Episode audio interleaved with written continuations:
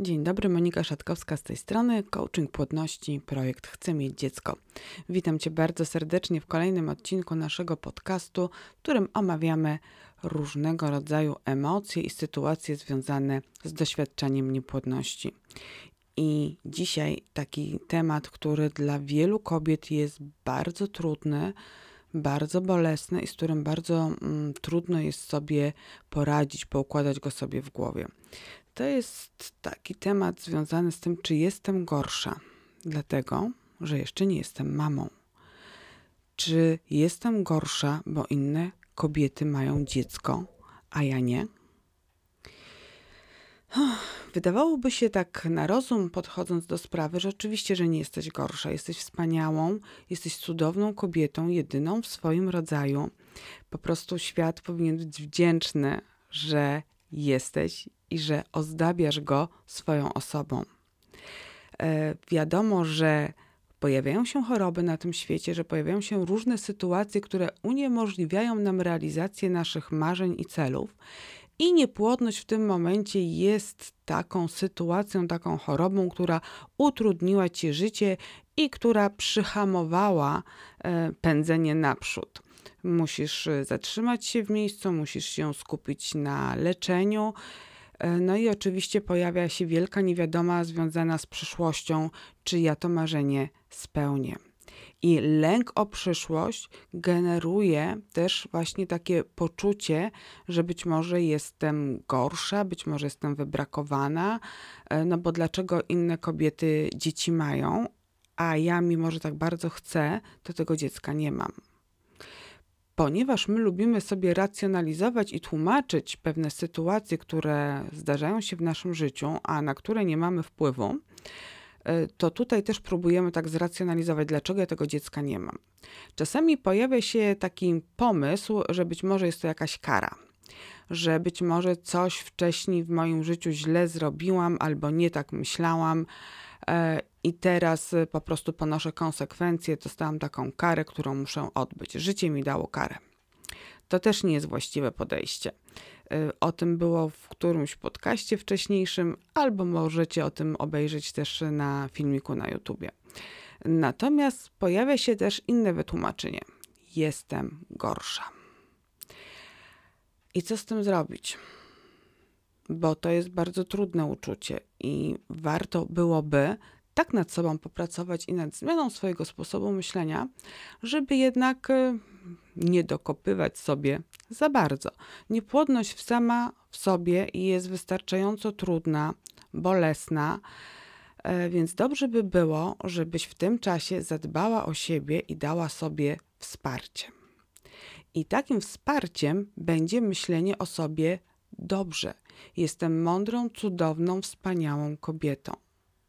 Jestem mądrą, cudowną, wspaniałą kobietą. I powtarzaj to sobie jak najczęściej, żeby odwrócić bieg złych myśli. Ja wiem, że to nie jest wcale takie proste i zdaję sobie sprawę, że to poczucie bycia gorszą i pustą y, może być silniejsze od takich y, pozytywnych afirmacji. Y, myślenie w sposób niemiły o sobie, w sposób zły o sobie, na pewno nie będzie cię wspierało w drodze do macierzyństwa i na pewno nie spowoduje, że to życie, które masz tu i teraz, będzie chociaż odrobinę lepsze i przyjemniejsze. Więc rozważając różnego rodzaju argumenty za i przeciw, czyli czy uznajesz, że zmiana sposobu myślenia na to, że jestem wspaniała i cudowna, jest dobre, czy raczej to jest dla mnie za trudne. Zostaję w tym, że będę się pogrążać w smutku i w poczuciu bycia gorszą od innych kobiet, no to zależy od ciebie. Co jest dla ciebie bardziej korzystne? I myślę sobie, że jak tak weźmiesz głęboki oddech, przymkniesz oczy i zastanowisz się, jaka naprawdę jesteś i jak chcesz być przez samą siebie postrzegana, to na pewno dojdziesz do wniosku, że lepiej jest być miłą, wspaniałą, sympatyczną, radosną, inteligentną kobietą.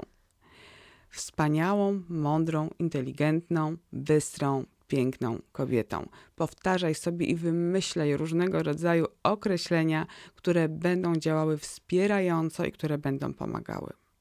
Oczywiście, że poczucie bycia gorszą może się pojawiać i wcale nie tak łatwo będzie je wypędzić ze swojej głowy. Dlatego potrzebujesz treningu. Dlatego nie wystarczy myśleć o sobie dobrze przez jeden dzień albo tydzień. Być może będziesz potrzebowała na to miesiąca albo nawet trzech. Natomiast im częściej w Twojej głowie będą pojawiały się dobre myśli o samej sobie, tym bardziej zmniejszasz poczucie bycia gorszą i zwiększasz potencjał tego, że jesteś piękną, cudowną kobietą, a tym samym zwiększasz potencjał swojej płodności. Także bardzo Cię proszę, nie poddawaj się, jeżeli poczucie bycia gorszą, będziesz miała poczucie, że dominuje w Tobie i że ono jest w ogóle nie do usunięcia, tylko trenuj. Trenuj pozytywne myślenie o sobie. Dawaj sama sobie wsparcie. W końcu, jak nie Ty, to kto?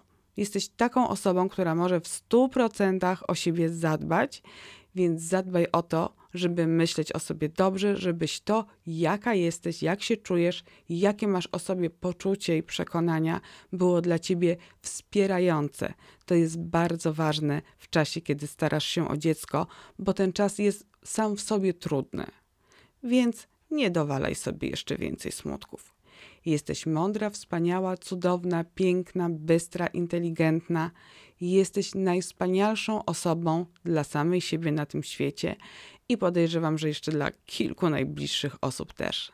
Świat bez ciebie nie będzie taki piękny, więc doceń to, że jesteś, że jesteś wspaniała, mądra i cudowna.